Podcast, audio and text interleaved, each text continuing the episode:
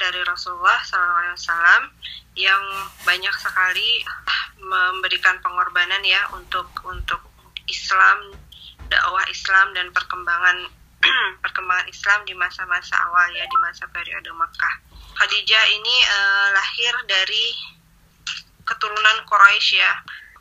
Nah, uh, Khadijah ini lahir dari keluarga yang sangat terpandang di Mekah dan jadi kalau di Mekah itu uh, dalam bani Quraisy dalam kaum Quraisy itu sendiri ada kabilah-kabilah ya. Kita tahu bahwa Rasulullah itu berasal dari Banu Hashim ya dan uh, Khadijah ini berasal dari Banu Asad namanya.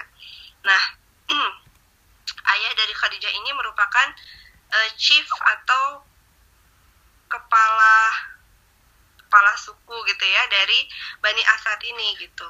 Dan uh, Bani Asad ini uh, dikenal sebagai kaum yang atau suku yang uh, apa ya terpelajar gitu. Jadi mereka banyak berpikir, banyak mencari tahu tentang berbagai hal gitu.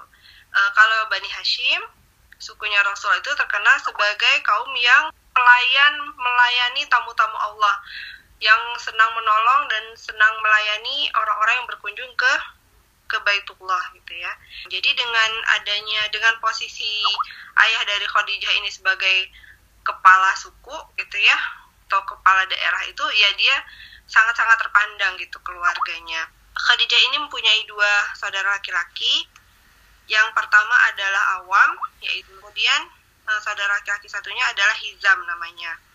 Nah, uh, Khadijah sendiri uh, sudah sebelum uh, ia menikah dengan Rasulullah, ia telah menikah dua kali sebelumnya dan dua-duanya itu uh, bercerai karena wafat ya. Nah, uh, yang pertama Khadijah itu menikah dengan Abu Hind namanya. Darinya dia memiliki dua orang anak, laki-laki dua-duanya. Yang pertama namanya Hind, yang kedua adalah Hala. Ya tentang Hala ini kita nggak tahu, tetapi Hind, salah satu anak dari Khadijah ini, uh, beliau juga uh, akhirnya memeluk agama Islam ya. Jadi anaknya Khadijah juga uh, seorang Muslim dari pernikahan yang pertama itu akhirnya nanti ia memeluk Islam dan menjadi syuhada di uh, salah satu peperangan ya. kemudian Khadijah menikah lagi dengan seorang laki-laki bernama Atik ibnu Abid al Makhzumi ya. Dari apa pernikahan itu kemudian wafat ya suaminya wafat lagi. Dan karena uh, Atik ibnu Abid ini suami kedua Khadijah ini nggak punya anak kemudian nggak punya saudara laki-laki juga maka terjadilah satu kejadian yang sebetulnya nggak biasa terjadi, yaitu Khadijah mewarisi harta dari suaminya, harta yang banyak dari suaminya. Jadi biasanya pada masa itu wanita itu nggak nggak mewarisi gitu. Biasanya kalau ada ada saudara laki-lakinya ya udah ketika meninggal jadi jatuh ke saudara laki-lakinya atau jatuh ke anak laki-lakinya gitu ya cuman karena nggak punya saudara laki-laki ataupun anak laki-laki jadi suami yang kedua ini ketika wafat semua hartanya jadi milik Khadijah ya dan karena itulah beliau memiliki harta yang kemudian oleh beliau diinvestasikan gitu sehingga e, dari ke dari kemampuannya mengelola apa dana atau uang yang ia miliki ini ia menjadi salah satu wanita yang paling kaya di Mekah saat itu. Nah, eh, bagaimana perkenalannya dengan Rasulullah?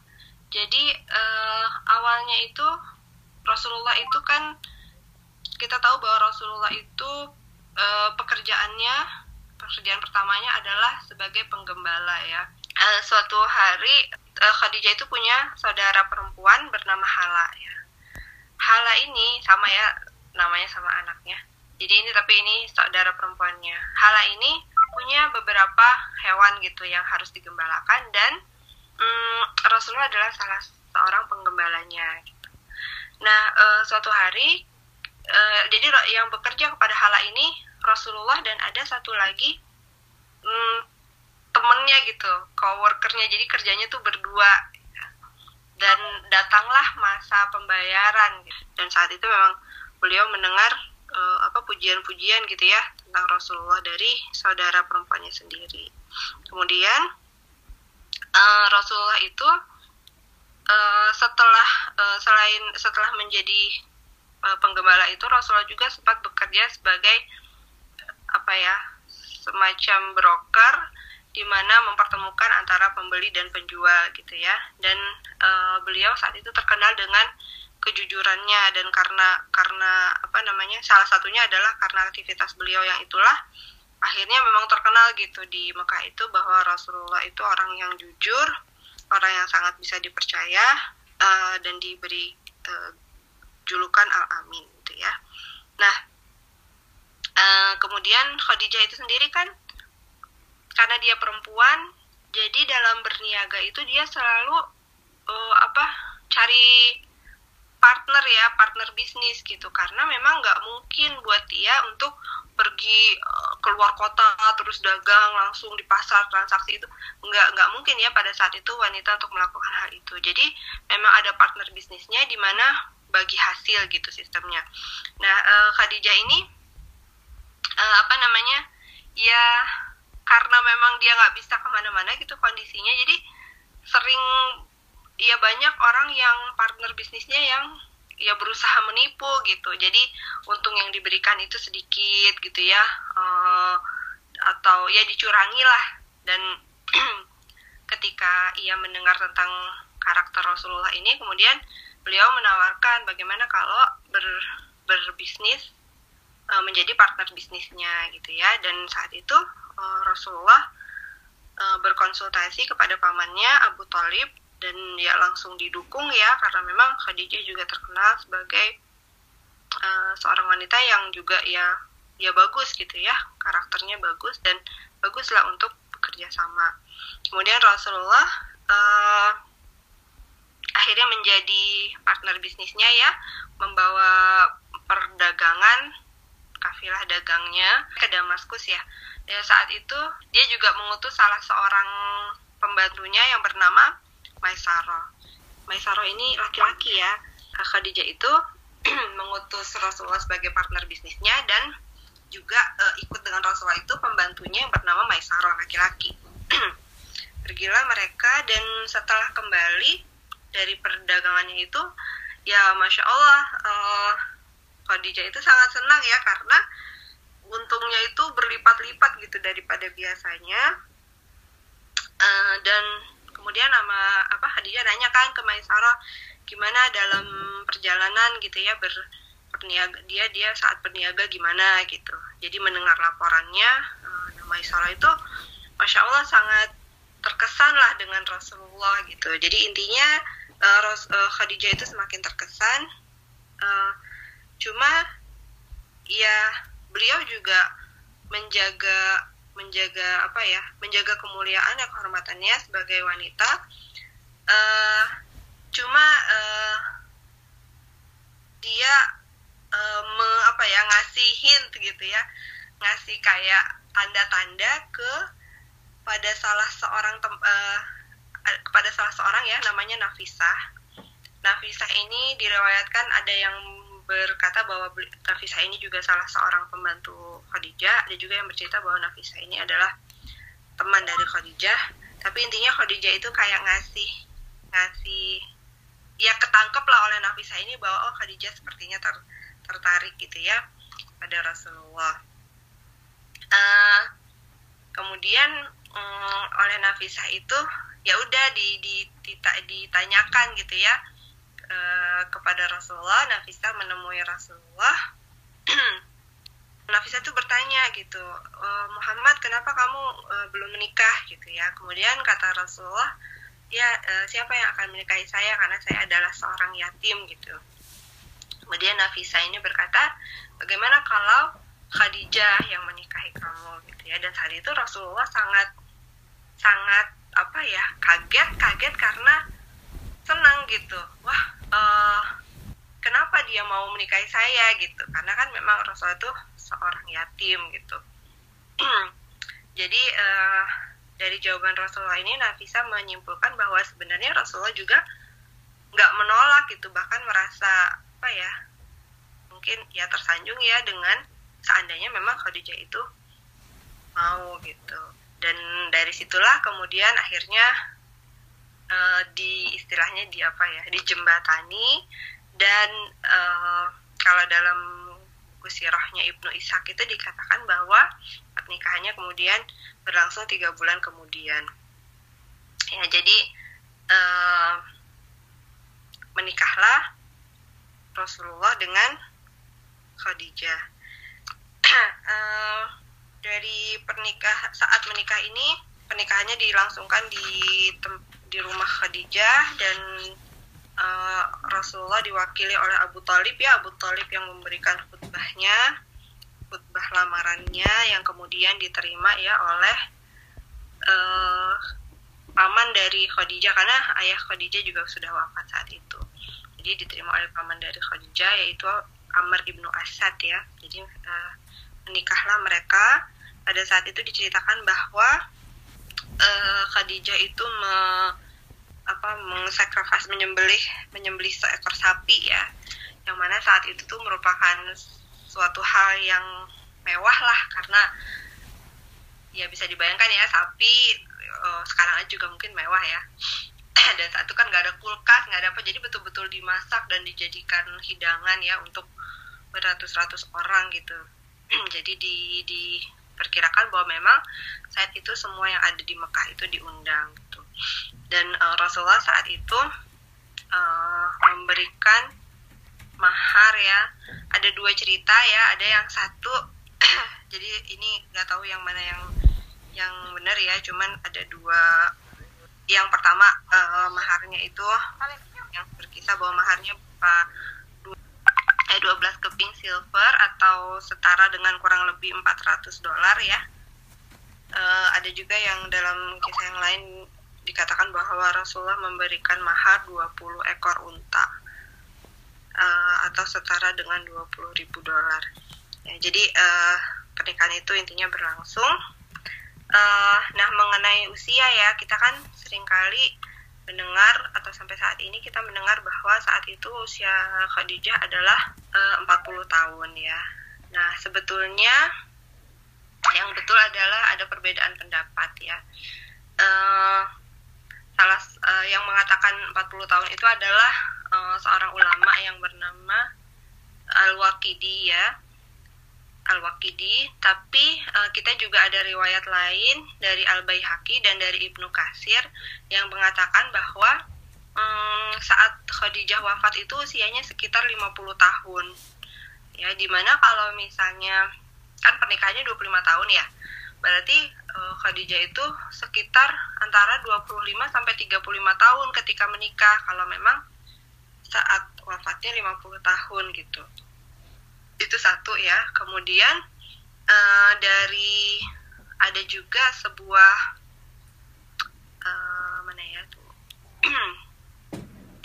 Uh, riwayat ya dari Al Hakim uh, dari Al Hakim dan juga dari Hisham Al Qalbi yang mengatakan bahwa Khadijah itu ketika menikah usianya 28 tahun gitu ya. Jadi uh, ada dua perbedaan usia ini gitu ya. Jadi banyak ulama-ulama yang justru memperkirakan usianya sekitar antara 25 sampai 35 tahun. Dan juga uh, kalau misalnya kita mengingat bahwa um, Khadijah itu dengan Rasulullah itu memiliki enam orang anak, maka akan apa ya lebih akan lebih masuk akal ya kalau kita mengira-ngira usianya itu adalah yang sekitar 28 tahun tadi itu ya. Karena kan enam orang anak kalau misalnya dia menikah usia 40 tahun maka itu udah udah cukup tua ya. Uh, apalagi di masa-masa apa ya zaman dulu itu kan nggak se advance sekarang gitu ya masalah kesehatan dan lain-lainnya. Ya tapi itu mengenai usia Khadijah.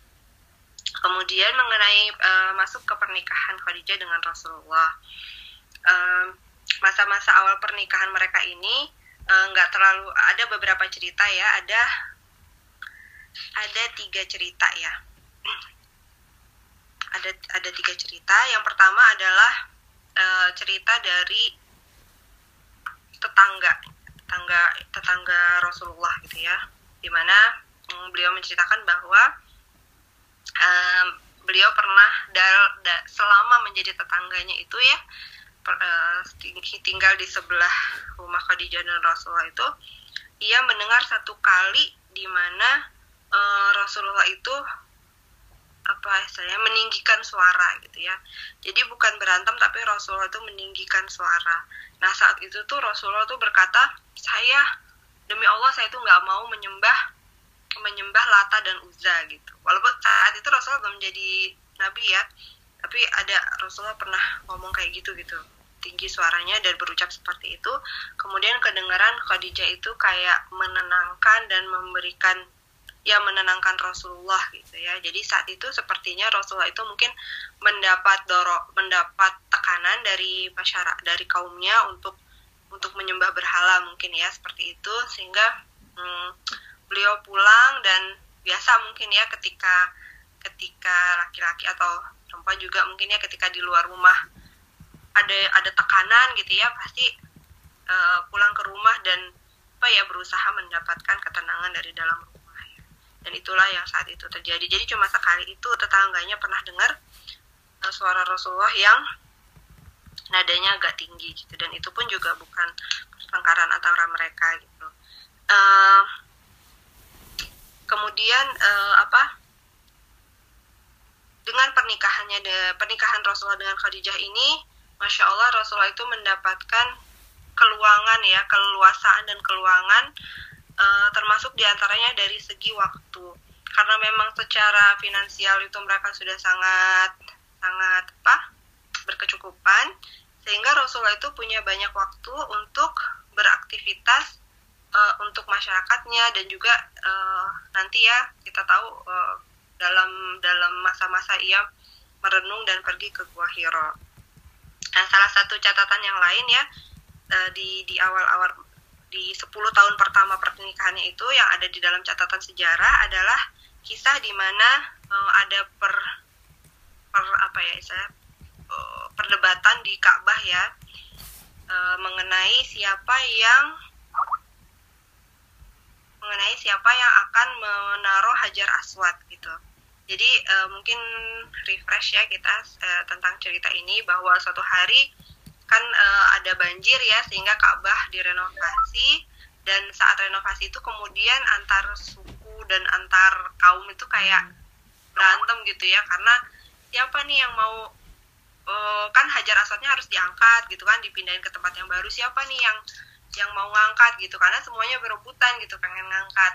Akhirnya hmm, diputuskanlah bahwa yaudah siapa yang masuk pertama kita tunggu nih siapa hmm. orang yang masuk pertama dari pintu, di pintu itu menuju uh, apa Baitullah itu kita ini aja apa dia yang ada dua pendapat either dia yang ngangkat atau dia yang memutuskan siapa yang ngangkat gitu. Dan ternyata yang masuk adalah ya dengan dengan izin dan memang dengan perencanaan Allah ya yang masuk adalah Rasulullah saat itu.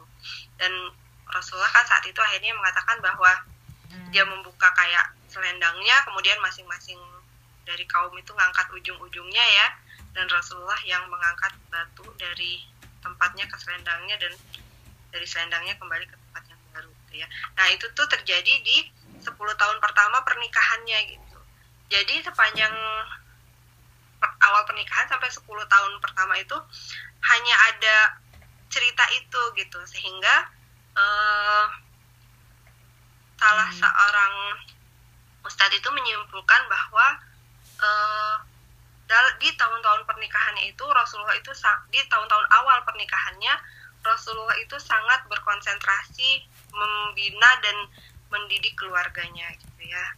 Uh, dia sangat fokus membina dan mendidik keluarganya. Dan memang masya Allah uh, keluarga Rasulullah itu ya anak-anaknya pun kita tahu ya semuanya nanti betul-betul uh, menjadi uh, apa ya ya muslim muslimah muslimah ya yang yang baik. Eh ya uh, kita tadi belum membahas tentang anak-anak ya anak-anak Rasulullah. Jadi uh, Rasulullah dengan Khadijah ini memiliki enam orang anak dua orang laki-laki dan empat orang perempuan. Nah, anaknya yang pertama adalah uh, anak yang pertama bernama Qasim ya Qasim ini laki-laki uh, dan karena inilah ya Rasulullah itu memiliki kuniah atau nama nama apa ya kuniah yang kayak Arab lah ya julukan ya. Julukannya adalah Abul Qasim ya. Karena memang anak pertamanya bernama Qasim. Qasim ini uh, wafat di usia sekitar 1 sampai 2 tahun ya uh, kemudian anak yang kedua Zainab perempuan Zainab ini menikahi sepupunya ya anak dari yang hala tadi uh, yang bernama Abul As. Kemudian anak ketiga dari Rasulullah adalah Ruqayyah perempuan ya. Ruqayyah ini uh, menikah dengan Utsman bin Affan ya, menikah dengan Utsman bin Affan dan Ruqayyah ini wafat di saat masa perang Badar. Mungkin kalau ada yang pernah ikutin kisah perang Badar, uh, pada perang Badar itu Utsman nggak ikut ya, nggak ikut perang oleh Rasulullah disuruh untuk tidak ikut berperang karena saat itu istrinya yaitu Ruqayyah sedang sakit berat gitu ya. Jadi dan ketika perang Badar itu selesai, ketika Rasulullah itu kembali ke Madinah, saat itulah uh, Ruqayyah ini saat uh, apa, mau di jenazahnya mau di apa kuburkan gitu ya. Jadi uh, Ruqayyah ini meninggal saat Rasul masih hidup. Anak ketiga, kemudian anak keempatnya adalah Ummu Kulsum.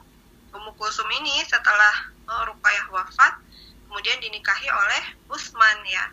Makanya Utsman adalah satu-satunya orang yang menikahi dua anak dari Rasulullah. Tapi nggak pada saat yang bersamaan. Tentunya setelah Ruqayyah wafat, kemudian Ummu Kulsum saat itu belum menikah, uh, akhirnya uh, Rasulullah menikahkan Ummu Kulsum dengan Utsman. Kemudian yang kelima yang paling kita kenal yaitu Fatimah. Uh, Fatimah ini lahir kurang lebih lima tahun sebelum turunnya wahyu dan uh, meninggal kurang lebih uh, sekitar enam bulan setelah Rasulullah wafat. Kalau Ummu Kulsum tadi meninggal sekitar uh, tahun 9 Hijriah. Jadi ketika Rasulullah masih ada, Ummu Kulsum juga sudah meninggal ya. Jadi satu-satunya anak Rasulullah yang wafat setelah Rasulullah adalah eh enggak, enggak satu ada dua ya. ya yang ada dua dua anak Rasulullah yang wafat setelah Rasulullah adalah Fatimah. Fatimah itu enam bulan setelah Rasul dan Zainab yang anak kedua tadi. Kemudian anak keenam dari Rasulullah adalah uh, Abdullah namanya. Eh, laki-laki ini juga uh, meninggal saat masih bayi ya saat masih sangat kecil. Jadi memang saat itu uh, sangat wajar ya kalau zaman dulu itu banyak anak-anak yang meninggal ketika usianya masih masih masih kecil-kecil ya. Kita aja mungkin di masa sekarang ini yang masya Allah kayaknya kalau anak lahir itu ya tingkat-tingkat apa ya istilahnya? Ya insya Allah akan akan panjang gitu umurnya. Kalau zaman dulu mungkin bahkan di zaman nenek-nenek kita aja kita mungkin sering dengar ya misalnya anaknya berapa yang wafat berapa gitu. Banyak ya kalau zaman-zaman dulu itu. Banyak anak-anak kecil yang mungkin karena faktor kesehatan dan lain-lain usianya nggak panjang. Nah seperti itu. Um, kemudian di itu di 10 tahun pertama ya tadi. Di 10 tahun pertama pernikahan Rasul dan Khadijah Rasulullah itu sangat-sangat fokus ya membina keluarganya. Uh, sangat uh, konsentrasi uh, apa namanya dan memang bahkan sampai masa beliau di Madinah pun Rasulullah itu orang yang sangat memperhatikan bagaimana uh, keluar kita bagaimana kita tuh harus uh, apa membangun hubungan di dalam keluarga gitu ya sangat-sangat mementingkan pendidikan dan tarbiyah di dalam keluarga. kemudian di masa turunnya wahyu sekarang jadi uh, Rasulullah itu uh, apa namanya dalam dalam sebuah riwayat dikatakan bahwa Rasulullah itu di saat-saat deket-deket tahun-tahun menjelang dia menerima wahyu Rasulullah itu sering mimpi yang di mana mimpinya tuh besoknya tuh menjadi kenyataan gitu. Kayak diberi tanda gitu ya. Uh, dan di antaranya karena itulah Rasulullah kemudian memutuskan untuk oh, saya mau mau merenung gitu. Saya mau uh, apa pergi merenung dan ya tempat yang beliau pilih beliau temukan dan beliau pilih adalah gua Hiro ya dan gua gua Hiro ini uh, lokasinya kalau jalan kaki itu sekitar satu jam dari Mekah. Kemudian naik ke atas gunungnya juga sekitar 1 sampai dua jam. Jadi dari Mekah jalan ke kaki gunung sekitar satu jam kemudian manjat ke gua Hironya itu sekitar 1 sampai dua jam. Nah uh, Rasulullah ini biasa membawa bekal gitu kan. Ini juga kita dari sini juga kita belajar ya dari Khadijah gitu. Insya Allah uh, apa namanya beliau bisa uh, dengan kedewasaannya dan dengan karena cintanya gitu ya cinta dan kedewasaan cinta beliau kepada Rasulullah ya beliau bisa paham gitu akan kebutuhan Rasulullah untuk pergi ke gua Hiro ini gitu. jadi beberapa kali Rasulullah pergi dan uh, perginya juga setiap pergi uh, beda-beda ya ada beberapa hari gitu oleh Khadijah diizinkan gitu ya dan bahkan bukan hanya diizinkan tapi juga didukung gitu ya jadi pernah suatu hari Rasulullah itu ngebekelnya itu cuman cukup untuk sekian hari gitu. Nah kemudian setelah sekian hari Khadijah tuh ngecek oh ini bekalnya nih cukup untuk sekian hari gitu. Tapi ternyata setelah sekian hari itu Rasulullah itu belum belum belum ini gitu belum pulang gitu kan. Nah akhirnya uh, Khadijah, masya Allah beliau uh, menyiapkan bekal tambahan gitu ya. Kemudian pergi ke Buah Hiro. Jadi bisa dibayangkan ya mungkin jalan kaki jauh dan bukan hanya jalan kaki aja dilanjutkan dengan manjat gunung ya untuk memberikan supply uh, makanan dan kebutuhan kepada untuk suaminya gitu ya jadi masya Allah ya kalau sekarang mungkin kita kadang-kadang kalau misalnya suami kita pergi rada lama aja tebel gitu kan uh, nah Khadijah itu ya masya Allah. Ya intinya setelah Rasulullah berada di Gua Hira itu kan Rasulullah mendapat wahyu ya. Dan saat wahyu itu turun hmm. Rasulullah sangat ketakutan karena memang ya bayangin aja ada sosok yang besar gitu ya malaikat Jibril kemudian berbicara dengan dia. Jadi Rasulullah itu takut dan beliau buru-buru pulang ya. Turun gunung dan berlari pulang menuju Khadijah. Dan saat itulah eh, apa namanya perkataan Rasulullah yang terkenal ya zamiluni zamiluni gitu kan.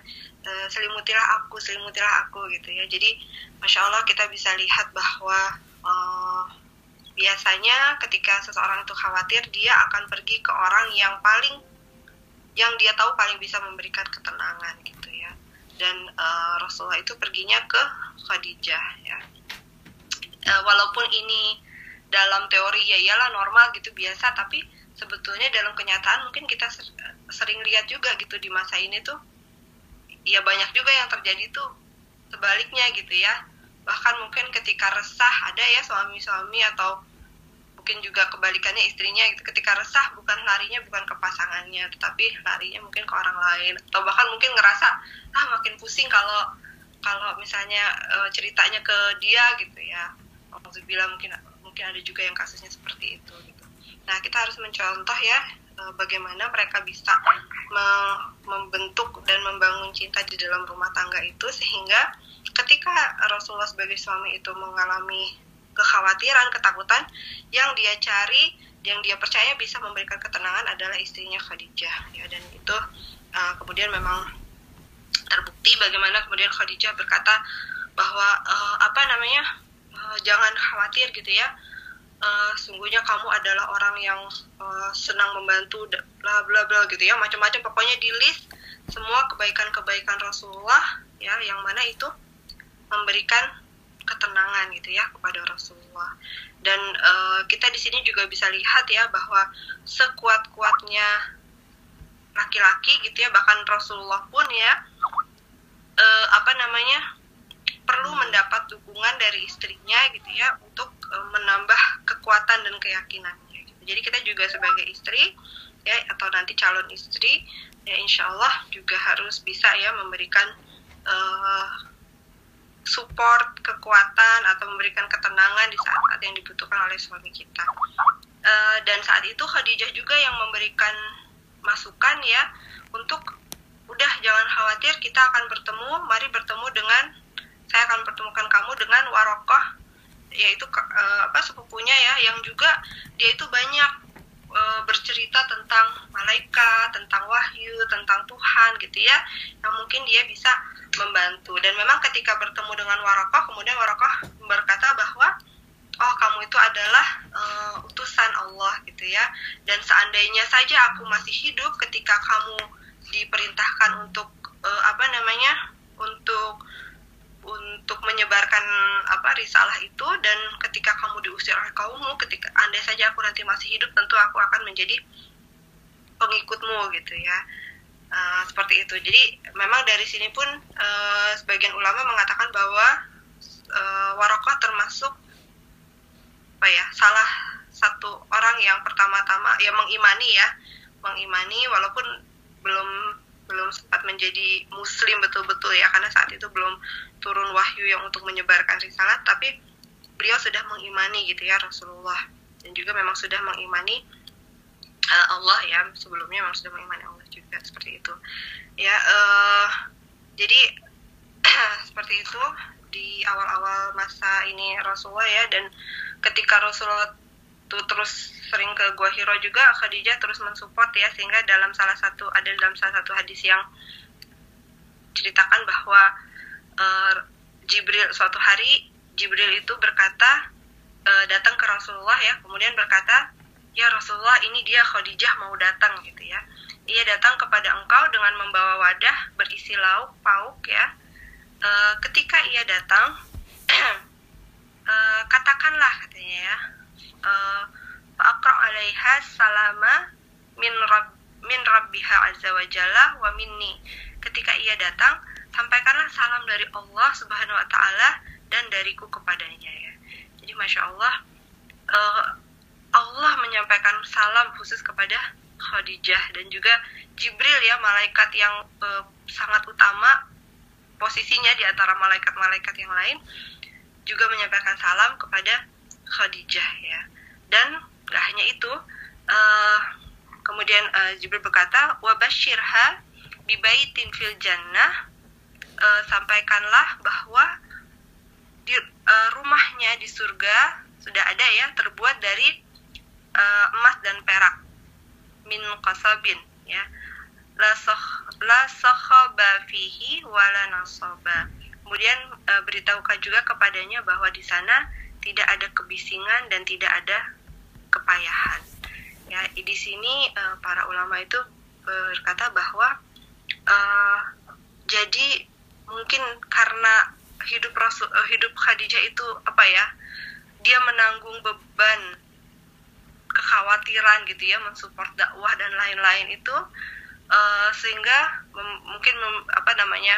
Uh, bukan stres ya ya kekhawatiran dan kesulitan-kesulitan ya dalam berdakwah sehingga secara spesifik disampaikan oleh uh, melalui Jibril ini bahwa udah ada rumah di surga untuk Khadijah di mana di situ tuh nggak ada kebisingan nggak pusing ya istilahnya dan tidak ada kepayahan atau tidak ada keletihan gitu ya. Jadi masya Allah. Nah uh, kemudian uh, apa namanya di dalam di dalam setelah setelah masa-masa ya di masa-masa awal Nabi menyampaikan risalahnya di Mekah itu ya di masa di mana banyak orang mengintimidasi dan lain-lain Khadijah senantiasa mensupport ya baik dengan dukungan moral maupun material ya e, mensupport dana juga untuk dakwah sampai-sampai e, apa namanya termasuk di di dalamnya adalah masa di mana kaum muslimin saat itu diboykot selama tiga tahun tidak ada yang boleh bertransaksi. Saat itu kaum apa umat muslim itu makan sampai makan daun-daunan ya saking terbatasnya makanan-makanan. Dan di saat itulah Khadijah itu mulai sakit-sakitan ya. Dan e, beberapa saat setelah boykot itu selesai e, apa bebas dari boykot itu tapi beliau sudah sakit-sakitan dan e, kemudian beliau wafat ya. Dan saat itulah Rasulullah itu sangat-sangat sangat-sangat sedih ya. Ini uh, berhari-hari dikatakan bahwa berhari-hari Rasulullah itu tidak keluar rumah dan bahkan terlihat ada bekas tangisan gitu di kedua pipinya ya. Masya Allah. Ya, seperti itulah uh, apa ya kesan mendalam yang diberikan oleh Khadijah bagi dalam diri Rasulullah ya. Rasulullah sendiri juga sampai setelah Khadijah itu berpuluh-puluh tahun setelahnya itu pun ya saat Rasulullah sudah di Madinah pun Rasulullah itu senantiasa memuliakan Khadijah uh, selalu mengingat-ingatnya ya sehingga kata Aisyah itu saya itu nggak pernah cemburu kepada istri Rasulullah yang lain selain Khadijah gitu ya yang yang mendekati Khadijah cemburuannya gitu. Karena Rasulullah itu selalu menyebut-nyebut Khadijah dikit-dikit oh Khadijah itu dulu sukanya gini gitu ya. Jadi senantiasa mengingat Khadijah. Dan Rasulullah itu ketika mendapat sebuah hadiah Rasulullah itu langsung mengirimkan uh, apa sebagian hadiah itu misalnya dapat makanan daging itu pasti ada yang dikirim ke temannya Khadijah atau saudaranya Khadijah gitu ya langsung dipisahkan gitu ya. Masya Allah. Uh, uh, apa namanya dan suatu hari pernah juga Hala ya saudara perempuannya Khadijah itu datang kepada datang ke Rasulullah ya dan saat itu Rasulullah itu sangat ketika datang itu dia ngetok dan dengan cara dan mengucapkan salam dengan cara yang sangat mirip dengan Khadijah gitu ya namanya juga saudara perempuannya sangat mirip. Rasulullah itu uh, berkata uh, Allahumma hala ya Allah uh, mudah-mudahan itu hala gitu ya. Dan benar memang yang datang adalah hala dan mereka tuh uh, kemudian apa uh, berbincang-bincang ya menceritakan bagaimana dulu Khadijah gitu ya. Masya Allah pokoknya Rasulullah itu sangat-sangat terus menerus uh, mengenang Khadijah ya. Sampai-sampai pada suatu hari uh, Aisyah itu nggak nggak tahan karena kok kayaknya Rasulullah tuh kalau ada ini Khadijah tuh bukan hanya ingat tapi kadang juga kayak sedih gitu ya mungkin karena kangen. Akhirnya Aisyah tuh pernah berkata uh, apa namanya ya apa Rasulullah uh, sampai kapan gitu kamu tuh akan terus menerus mengenang apa wanita yang udah yang tua itu? gitu ya kata Aisyah. Sekarang udah tahu tua ya usianya jauh. Dan uh, bukankah Allah itu udah menggantikan ia dengan yang lebih baik untuk engkau? Gitu kata Aisyah kemudian saat itu Rasulullah itu marah dan Rasulullah itu berkata tidak demi Allah Allah tidak memberiku ganti yang lebih baik dari Sungguh ia telah beriman saat manusia mendustakanku, menolongku dengan hartanya di saat manusia menjauhiku, dan dengannya Allah mengkaruniakan anak padaku dan tidak dengan istri yang lain ya. Jadi uh, ya demikian kisah uh, antara uh, Khadijah dengan Rasulullah. Dan di dalam sebuah hadis Rasulullah juga pernah bersabda bahwa um, tidak banyak banyak laki-laki yang tercatat dalam sejarah manusia ya yang telah menyempurnakan imannya. Tapi tidak banyak wanita yang bisa menyempurnakan imannya. Dan ada empat orang wanita yang paling utama dalam keimanannya yaitu yang pertama adalah Khadijah binti Khuwailid, Fatimah binti Muhammad, Asiyah binti uh, Muzahim istri Fir'aun dan Maryam binti Imran ya. Dan yang pertama kali disebut adalah Khadijah. Dan juga kita bisa renungkan bahwa masya Allah Khadijah itu sudah wafat sebelum ada perintah zakat sebelum banyak peraturan-peraturan dalam Islam itu belum belum belum ada gitu ya. Tetapi e, meski demikian dia dinyatakan sebagai seorang muslimah yang telah menyempurnakan imannya ya. Jadi masya Allah e, karena karena kemuliaannya kesetiaannya supportnya untuk dakwah untuk Rasulullah dan pengorbanannya itu uh, Khadijah uh, bahkan telah menyempurnakan keislamannya sebelum Islam itu pun aturan-aturannya belum turun semuanya. Yang mudah-mudahan kita bisa meneladani ya kehidupan Khadijah bagaimana uh, beliau apa ya menumbuhkan cinta itu di dalam rumah tangganya bersama Rasulullah menjadi seorang yang uh, dikenang ya oleh Rasulullah. Dari sini juga kita bisa di, dikatakan bahwa apa ya kan suka ada yang ber, beranggapan bahwa oh, Rasul, oh yang orang-orang kafir ya misalnya oh apa Nabi Muhammad itu kok menikahi istrinya banyak dan lain-lain gitu ya atau yang usianya jauh di bawahnya. Nah sebenarnya dari kisah antara Rasul dan Khadijah ini kita bisa lihat bahwa Rasul itu sama sekali apa ya ya bukan karena hawa nafsu gitu. Jadi uh, pernikahan beliau itu ketika dengan Khadijah ya memang ya memang hanya satu itu. Padahal saat itulah Rasulullah itu di usia yang ya betul-betul apa ya usia usia laki-laki laki-laki yang matang gitu ya. Kalau setelah uh, Khadijah itu kan setelah wahyu turun Rasulullah sudah 40 tahun ya udah 40 tahun ke atas gitu. Jadi memang sebetulnya pernikahan-pernikahan selanjutnya yang memang betul-betul karena uh, perintah Allah ya dan untuk kebaikan Islam gitu. Dan uh, ya dari kecintaannya juga kita bisa lihat bahwa ya Rasulullah itu uh, apa ya uh, kita teladani lah bagaimana mereka membangun keluarga sehingga bisa memiliki anak-anak ya walaupun yang perempuan ya yang hidupnya panjang yang tapi dari semuanya itu semuanya mendukung dakwah Rasulullah dan menjadi menjadi uh, muslimah yang baik. Insya Allah mudah-mudahan seperti itu uh, sharing malam hari ini mudah-mudahan ada manfaatnya. Mohon maaf bila ada yang salah atau waktu yang kepanjangan. Ya silahkan uh, kalau ada yang mau menambahkan atau bertanya saya kembalikan ke MC ke moderator. Bila hidayah. Assalamualaikum warahmatullahi wabarakatuh. Waalaikumsalam.